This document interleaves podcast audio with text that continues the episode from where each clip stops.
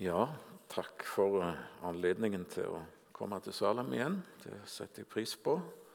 Velkommen i Jesu navn. Håper at alle fant fram uten noe verken fall eller uh, radbrekking. Uh, det er glatte tider, så du får være forsiktig på veien hjem òg, både til fots og det du kjører. La oss be sammen. Herre Jesus, vi takker deg for det du har minnet oss om. Vi vil be om ditt rikes nærvær og framgang på de mange fronter, både i vårt eget land, i vår by, i vårt fylke, i vårt nærområde, nabolag og i det hele tatt, men òg like til verdens ende. Og vi minnes her om de mange, mange som ennå ikke har hørt eller kjenner ditt navn, eller som eh, vet hvem du er. Herre, send ditt ord, utrust og kall vitner, åpenbar deg, Jesus. Det ber vi om, og la ditt rike frem, og ditt ord fremdeles ha framgang og inngang. Herre, vi ber i ditt navn, og vi ønsker òg å stille oss eh, disponible for deg. Herre, Bruk oss sånn som du ville, og som du tenkte. Jeg ber i ditt navn og med hellige stunder i ditt navn, Jesus. Amen. Ja, eh, en stor eh, og innholdsrik tekst i dag, i Lukas kapittel 1 og vers 46 eh, og til og med vers 56. Og den har jo en overskrift 'Marias lovsang'. Vi skal synge den, eller lese den i sammen. Og Så må jeg innrømme at jeg har hatt mye bry med denne teksten, rett og slett, for det er så, det er så mye i det. Så jeg har krølla en god del manuskript. Jeg er en av de gammeldagse som skriver for eh, hånd. Og eh, det har gått noen begynnende prosjekt i dunken, og det tenkte jeg egentlig at dette òg skulle gjøre, men eh, jeg fikk ikke tid til det, så det får bli som det blir. Lukas kapittel 1 og vers 46 i Jesu navn.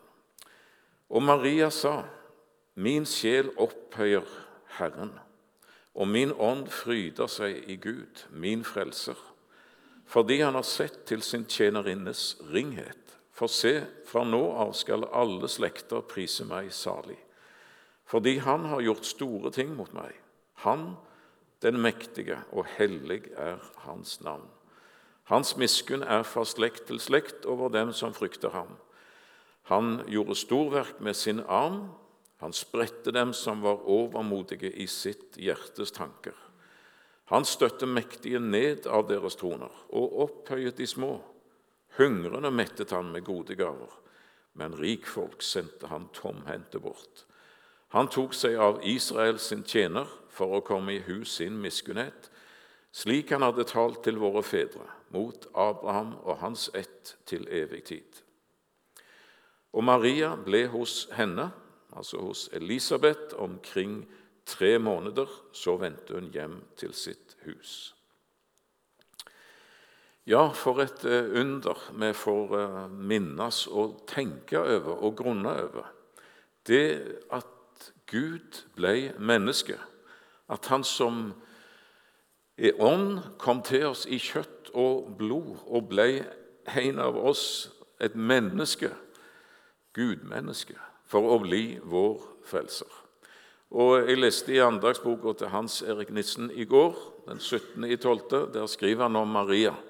og Han eh, omtaler henne som en alminnelig og uanselig pike fra en liten by i det nordlige Israel. Ingen kunne forestille seg, osv. Nei, hvordan skulle noen kunne forestille seg at hun skulle bli mor til verdens frelser, til Guds sønn, den evige? Hvordan må det ha vært for henne sjøl? Det kan vi jo undre oss over. Eh, det er sjokk. Ja, sjokk.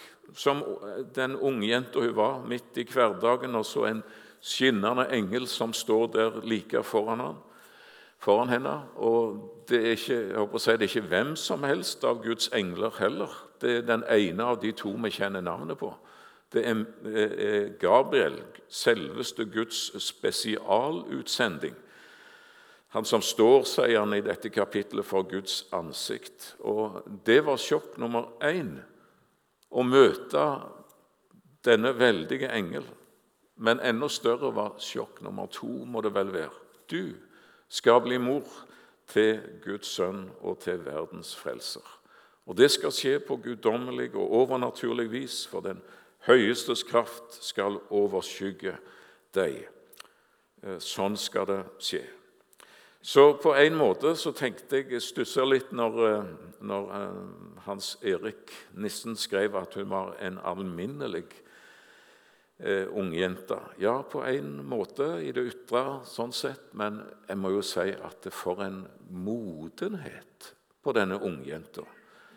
Menneskelig og åndelig. Hvor kjent hun var i Skriftene, denne ungjenta. For det bærer hennes lovsang preg av. Eh, og i grunnen alt det som skjer rundt omkring henne. Så det var et spesielt menneske, ei spesiell ungjente. Nå var det sånn at eh, eh, i det gamle Israel så var det de av Guds folk som levde i forventning. Og de levde i en visshet om at eh, det er en frelser som er lovt. Vi har allerede hørt noen ord om det. Og de visste noe om fødested, at eh, Mika 5 og vers 1, der det står at eh, du, Betlehem, Efrata, som er liten til å være blant Judas tusener. Fra deg, sier Herren, skal det utgå for meg en som skal være hersker over Israel. Og hans utgang er fra gammel tid, fra evighetsdager. Han er ikke ny i den forstand, for han kom ifra evigheten og har alltid vært til.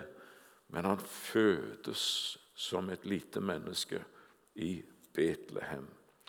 Og eh, det var jo òg det blir nevnt i disse to eh, bibelavsnitt som står som tilleggstekster noe om slektstilhørigheten som han skulle komme ifra, og han skulle tilhøre Juda stamme og alt dette, og skulle være Isais sønn. og Obed og eh, generasjonen før bærer noe i seg eh, som peker framover, og han er Davids sønn. David som er sønn av Isa igjen. og Slektstilhørighet det var det sagt en god del av på forhånd. Og hvor han skulle ha sitt liv og sitt virke. For når det står i Jesaja kapittel 9 om, eh, om lyset som skinner i mørket, så gjelder jo det over for en hel verden. Men, eh, men det står òg i en sammenheng at eh, Jesaja 9, etter det har stått om jomfrusønnen, en jomfru som skal bli med barn og føde en sønn. skal gi, Han skal få navnet Immanuel. Hvem er han? Han er Gud med oss. Ikke mot, men Gud med oss. Jesaja 7, vers 14. Og Så fortsetter Jesaja i kapittel 9, og så sier han at det skal ikke alltid være mørke i det landet hvor det nå er trengsel. Tidligere førte Herren vannøre over Sebulans land og over Naftalis land. Men i framtiden skal han føre ære over det, over veien ved havet, landet på den andre siden av Jordan, hedningenes Galilea. Det var et område som var lite respektert blant de troende i eh, Israel, fordi det var så mye blanding der oppe ved grensen mellom folkeslag og israelitter. og Dialekten og alt og dette, dette blandings, alt hedenskapet som var der oppe. Hedningenes Galilea. Det er folk som vandrer i mørket, skal se et stort lys. De som sitter i dødsskyggens land, over dem skal lyset stråle. Men her var det den kommende Messias, barnet som er oss født, sønnen som er oss gitt i vers 9, herredømmet som er på hans skulder, han som er under, rådgiver, veldig Gud, evig far og fredsfyrste. Født i Betlehem, men her i Galilea-området. Det var der han skulle ha sitt jevne virke og sitt hverdagsliv. Først i sin by, som det står om Nasaret. Og så flytta han til Kapernaum, som det står om var hans egen by. Han hadde tilhørighet. Og når Matteus taler om dette i kapittel 4 og vers 13 og sier at han forlot Nasaret og bosatte seg i Kapernaum, som ligger ved Galileasjøen, i Sebulons og Naftalis landområder. Da har du linken til Jesaja kapittel 9, ikke sant? Der det står om Sebulons land og Naftalis land, som skal bli æret ved hans nærvær. På disse landområder skal han gå. Her skal Guds sønn ha sitt daglige virke i hedningenes Galilea. Og Jesus sa det sjøl, du Kapernaum som er løfta like opp til himmelen. Der sto på en særlig måte himmelrikets porter vi åpne, for der gikk han, og der var han eh, ja, Han helliga dette området ved sitt nærvær. Og det var oppfyllelse av Skriftene. Ja, dette kunne vi stoppet ved, men det har vi ikke tid til. Men tenk på denne ungjenta, så bevandra i Skriftene. Og hvordan det må ha vært for henne eh, når mage begynte å vokse og alt dette. Å lese disse hellige skrifter. Å lese om jomfrusønnen. Er det meg? Er det meg som skal føde? Og hvem er han? Han som jeg bor i Nasaret, er hjem, min hjemby, hedningenes Galilea, og så videre. Og fødselen i Betlehem, som eh, Ja, du kjenner til det alltid sammen. Oppfyllelse av profetier. Men hvem er du, du som eh, Er det, er det Guds sønn? Er det han som er er under og rådgiver og veldig Gud og evig Far og fredsfyrste som jeg bærer. Under mitt hjerte er det Guds sønn som sparker i min mage og får den til å bule ut på så forunderlig vis. Han som er så nær knytta til meg, og som jeg er så nær knytta til. Er det den evige, den allmektige, han som er fra all evighet og har skapt himmel og jord og holder alt oppe, er det Han jeg bærer under mitt hjerte, og som eier hele mitt hjerte, og som jeg skal føde. Underlig. Underlig. Gud ble menneske. Og Når Maria synger denne lovsangen som vi leser her, så er hun jo i en fjellby i Juda. Og hun har skynda seg av gårde der, står det, fordi hun eh, ville opp og hun ville besøke sin slektning eh, Elisabeth. For det fortalte jo og rapporterte jo engelen Gabriel om når han eh, overleverte henne hennes budskap. Og så sier han det at Elisabeth, din slektning, har også unnfanget en sønn i sin høye alder.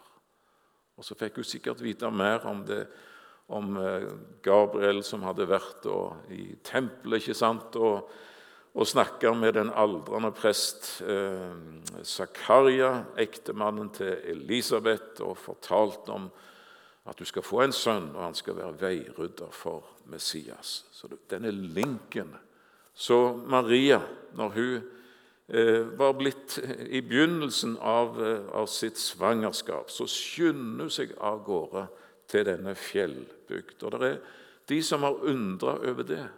Hvorfor ble hun ikke hos sin familie? Var Marias mor død nå, siden hun ikke eh, ble hos sin mor, som jo hadde vært naturlig, rent menneskelig talt? Eller var det var det skammen? Var det ryktene og alt dette her, og familie som sa at du må vekk?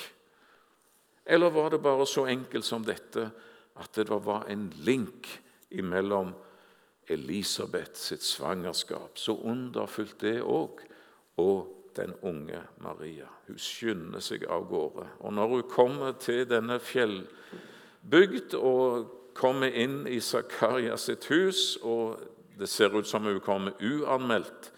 Da kommer Elisabeth jublende i møte med, den, med Maria, og hun sier, 'Min Herres mor kommer til meg'.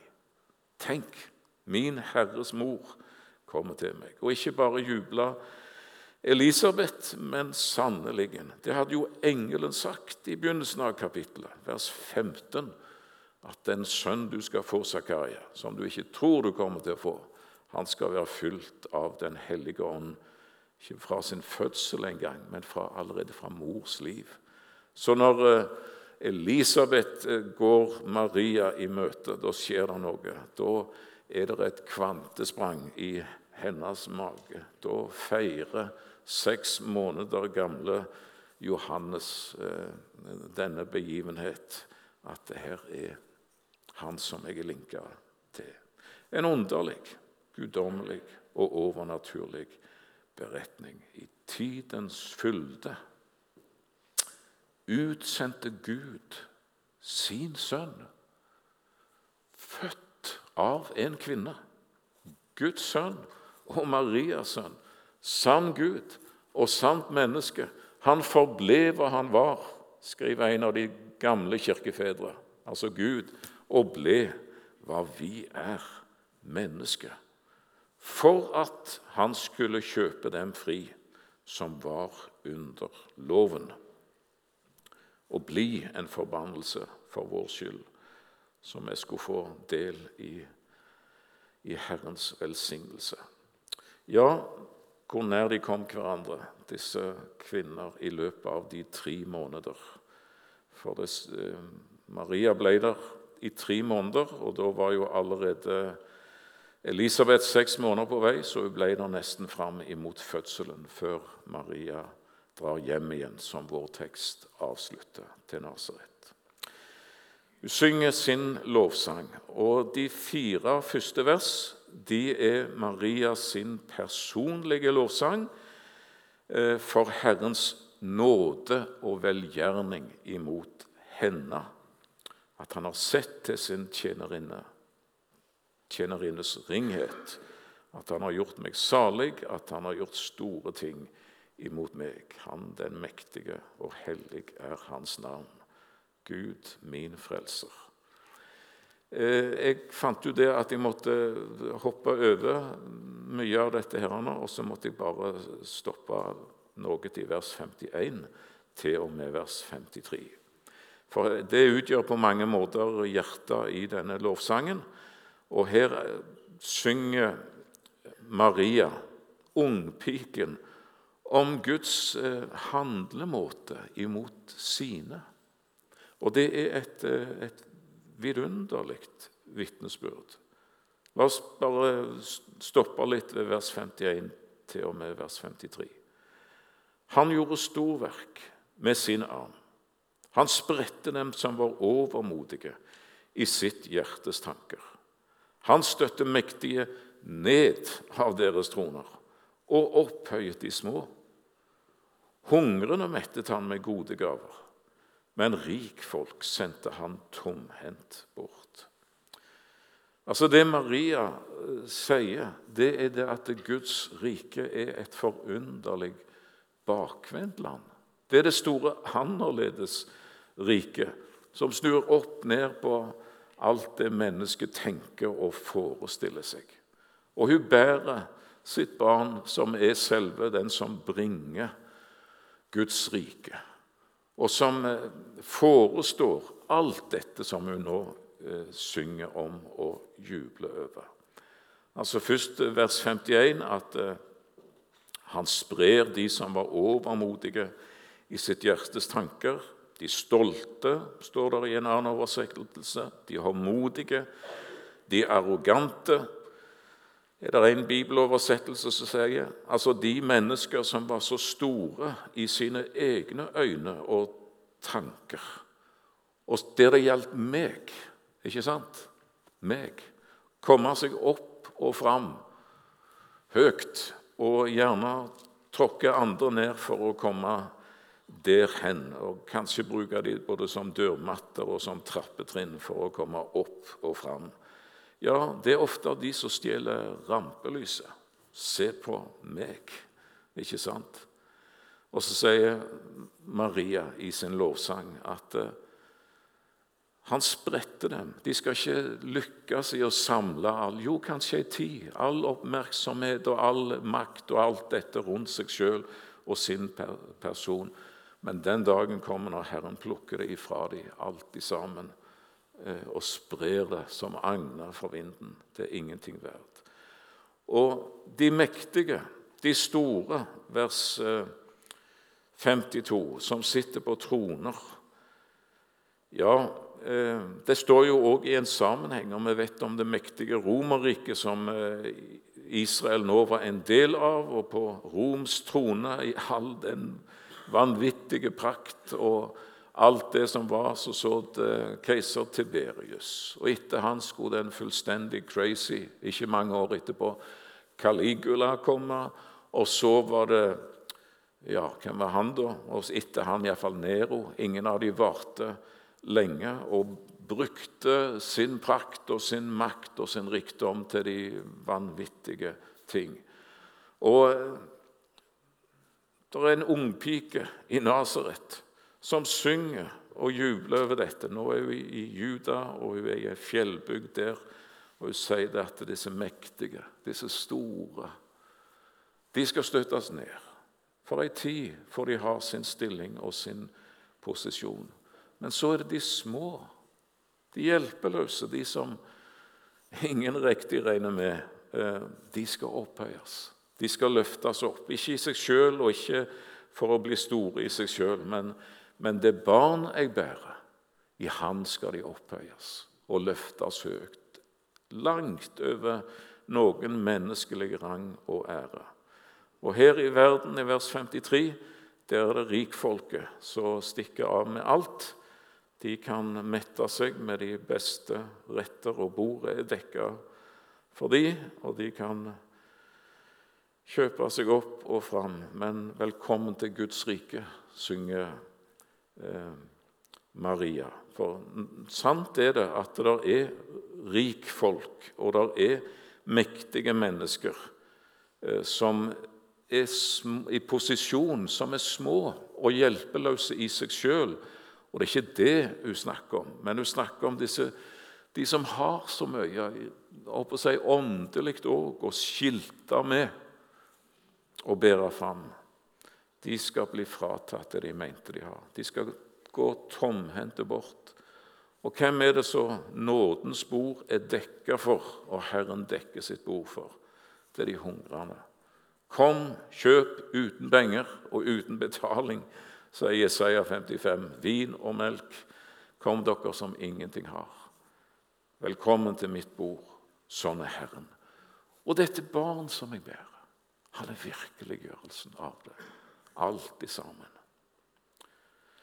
Hvor mye Maria forsto der og da eh, om framtid Hun ble jo varsla om det, eh, om det offer og den pris det var å betale, og den fornedrelse og hennes barn skulle bære. Men hun visste det at han er virkeliggjørelsen av det alt i sammen. Og Jeg tenkte når jeg så med dette i, i går, at, at, det som denne underlig modne, åndelig modne ungjenta synger om, det er selve Guds prinsipper. Det er selve utvelgelsesprinsippet. hvem han kommer for, og Gud, hvordan Gud har valgt å gjøre det. Å opphøye og løfte det som er lite, det ydmyke og dekke sitt bord for de sultne, de som ikke kan gjøre opp for seg. Allerede i Jesaja og allerede i Det gamle testamentet har jo noen av disse fineste vers om dette. Det er Jesaja 66, vers 2, der Herren sier at himmelen er min trone, jorda er min fotskammel. Men den jeg vil se til, sier han, det er den elendige og den som har en nedbrutt ånd, og som er forferdet over mitt ord.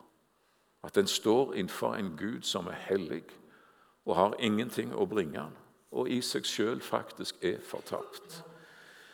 Det er de mennesker jeg ser etter, sier Herren. Det er mitt folk. Det er de jeg kaller. Og Jesaja 57 og vers 15. Så sier den høye, den opphøyede, han som troner for evig, han som bærer navnet hellig. I det høye og hellige bor jeg, og hos den som er knust og nedbøyd i ånden, for å gjøre levende de nedbøydes ånd og gjøre de knustes hjerter levende. Og for all del, det betyr ikke den som mangler sunn menneskelige sjøltillit eller noe av dette, men den som står innenfor Gud, den veldige, den hellige, gjennomlyst og avslørt, og vet at jeg fyller ikke hans standard. Og han er hellig, og jeg er en synder. Og jeg er i desperat behov for frelse. Disse mennesker er det Gud, Herren, leter etter. Hør hvordan det, det Maria synger. Jeg tenkte på 1. Korinterbrev, kapittel 1, og vers 26 til og med vers 31. Brødre, legg merke til det kall dere fikk. Legg merke til det kall dere fikk. Ikke mange vise etter kjødet ble kalt, ikke mange mektige, ikke mange av høy ett, men det dåraktige i verden, det utvalgte Gud seg for å gjøre de viste til skamme. Og det som er svakt i verden, det utvalgte Gud seg for å gjøre det sterke til skamme. Det som er lavt i verden, det som er foraktet, det utvalgte Gud seg, det som ingenting er, for å gjøre det til intet som er noe, for at intet kjød skal rose seg for Gud.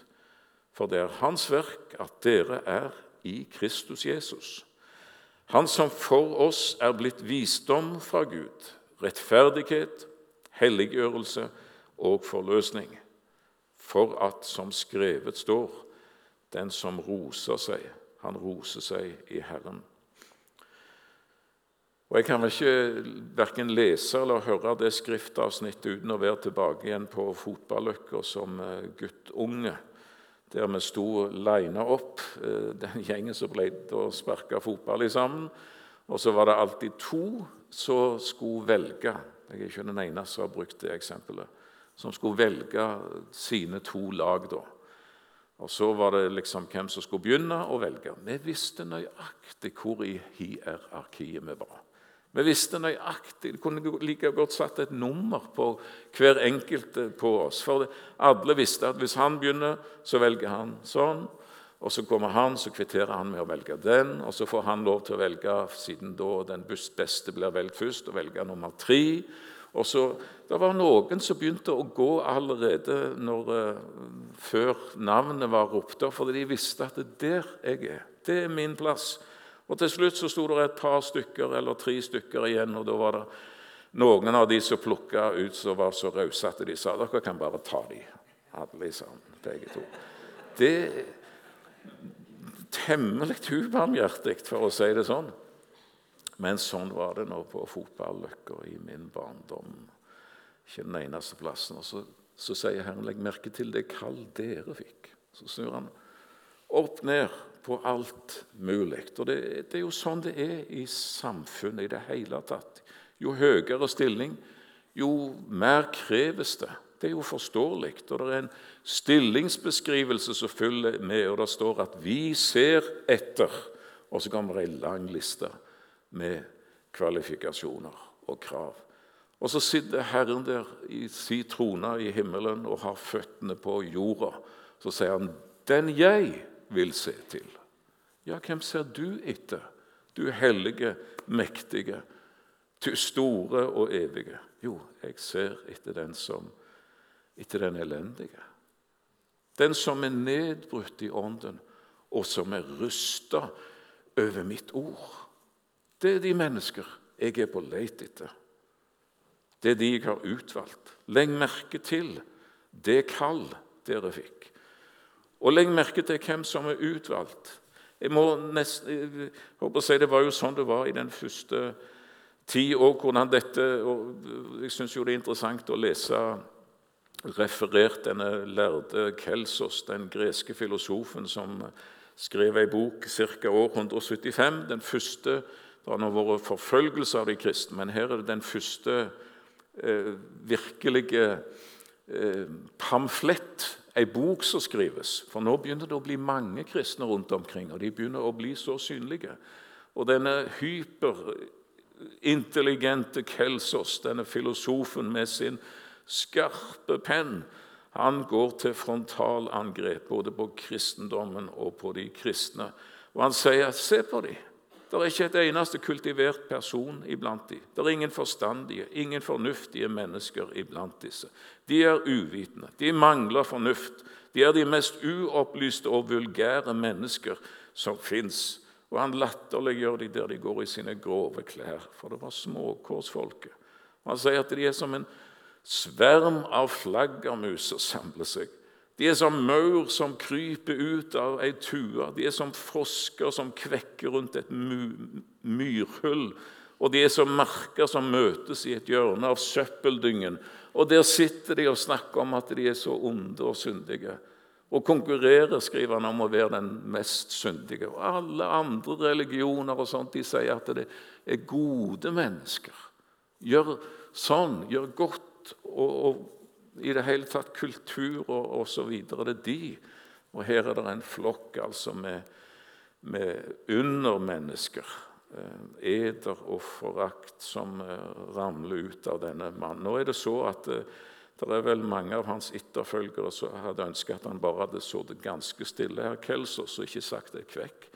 For han siterer jo ifra de nytestamentlige skrifter og blir et ufrivillig vitne på at de var spredt og lest og regna som Guds ord iblant de troende helt ifra begynnelsen av. Men det, det er helt sant at det var småkorsfolket. Det var kanskje 35-40% av befolkningen skrives det i Romerriket som var, var slaver i denne tid, og mye fattig folk. Og her var det Evangeliet fikk en helt spesiell innpass og snudde og forvandla et samfunn. Og det er en bibellærer som skriver, og historiker som skriver om denne tid. og Han skriver at kristendommen gjorde mennesker som ble betraktet som ting, altså slaver, til virkelige menn og kvinner. Eller rettere sagt til sønner og døtre av Gud. Den ga dem som ikke eide anseelse, selvrespekt. Til dem som ikke eide noe liv, et evig liv. Kristendommen fortalte mennesker som andre ikke verdsatte, at de betydde enormt mye for Gud. Den fortalte mennesker som i verdens øyne var verdiløse, at de i Guds øyne var så verdifulle at han ofret sin eneste sønn for dem. Velkommen til Guds rike, synger Maria. Til det rike der de store og stolte intet får store i seg sjøl, men der småfolket blir løfta opp og opphøya. Og der det er de rike som går tomhendte bort, og så er det den som ingenting har, som bordet er dekka for. Kan du tenke deg hva en slave f.eks. i Korint har så kjøpt og solgt på et, et uh, slavemarked. Det var ingen som snakket om det. Ikke Platon, ikke Sokrates, ingen av de store tenkere som snakket om menneskeverd i den tid for en slave. Nei, det var bare, det var bare nytteverdien. Var du ung, sterk, så hadde du en nytteverdi. Men du ble kjøpt, og du var en ting. Og din herre kunne gjøre akkurat hva som fant seg eh, eh, hva han fant eh, greit, for han hadde kjøpt deg, og du var den du var. Du hadde ingen verdi i det hele tatt. Du var i prinsippet ikke mer enn søla under føttene til et menneske. Intet verdt i deg sjøl. Kan du tenke deg når en Paulus står der og forkynner, legg merke til det kall dere fikk. Legg merke til hvem det var som fikk dette kallet. Ikke mange vise, ikke mange mektige, ikke mange av høyhet. Det som ingenting var. Wow! Gisp! Jeg, elska av Gud, skapt, løfta i Kristus helt opp til barnekår og til arverett og til alle disse ting. Ufattelig. Eh, ja, mye å si om dette. Eh, vi rekker ikke det, det visste jeg på forhånd. at det kom ikke gjennom denne her lappen. Men eh, det er mye engler rundt juleevangeliet. ikke sant? Betlehemsmarkene, og vi har sunget om englejubel. og jeg har også Gabriel, da, Guds spesialutsending. Evangelisten blant englene er han òg blitt kalt. 600 år siden så sto han der foran Daniel for å forklare profetiene om den kommende Messias. For Daniel sier han skal dø i Jerusalem ca. år sånn og sånn ut ifra den tidsregningen som der er oppgitt. Eh, fødes i Betlehem, leve i Galilea, dø i Jerusalem. Ikke mange som får eh, på forhånd skrevet sitt livsløp med mange andre detaljer på en sånn en måte. Det er profetiene. Det er det guddommelige. Men han var først, denne Gabriel, hos Zakaria ikke sant? I, det samme kapittelet, og så til denne ungjenta. Jeg har sans for den svenske baptistpastoren som var i London ca. i andre halvdel av 1800-tallet. Det skal vi slutte med. var langt til London fra Sverige, så det var once in a lifetime. Og Han ville gjerne høre den store predikanten Charles Haddon Spurgeon. Og så tenker denne svenske baptistpastoren når jeg er her, kanskje jeg kan oppsøke Mr. Spurgeon på lørdag og be om en liten samtale med han. Og Han fikk hjelp til det og fant fram til adressen. Det var lørdag, og han sto ut forbi Spurgeon sitt hus. og Han banker på, og ei ungjente kommer ut, ei tjenestejente, og han bærer fram sitt ærend og sier sånn og sånn. Er det mulig å få en liten prat med herr Spurgeon? Og så svarer denne tjenestejenta beklager, men han sitter og forbereder sin preken til i morgen, så han vil ikke la seg forstyrre. Han, han, vil aldri det. Jeg er fra Sverige. Det er den eneste gangen jeg er her, og jeg skal bare bruke litt tid. Kan du være så vennlig å be han å gjøre et unntak? Hun går inn og kommer tilbake igjen og sier at herr Spurgeon sa at om det så var engelen Gabriel som sto på døra, så kunne han ikke under noen omstendighet la seg forstyrre. Det var da denne frimodige svenske baptistpastoren tok et skritt fram og ropte inn i huset. Her er mer enn Gabriel. Et øyeblikk stillhet, lyden av ei dør som spratt opp, og så roper Spurgeon. Kom, sinner, kom, kom inn. En synder frelst av nåde. Mer enn Gabriel. Ja, opphøyet i Kristus langt forbi engler. Langt forbi Gabriel, Guds spesialutsending. Langt forbi Mikael, selve overengelen. Løfta ikke til englekår, men til barnekår. Like opp til Jesu side, til hans arv. Samme arv der oppe i det høye. Samme himmel, samme Gud og Far. Jeg eier deg, Kristus. Du kan lese hebreerbrevet, du kan lese andre skrifter, og du kan se at å være et Guds barn allerede nå det å stå langt over engler i rang. Fordi du er sønn, fordi du er datter av Gud. Og det er ingen av Guds engler. Han har ikke sagt til noen av dem at 'du er min sønn, du er min datter, jeg har født deg'. Hebreerbrevet 1, vers 5. Men han har sagt det til deg. Det synger Maria om. Marias lovsang.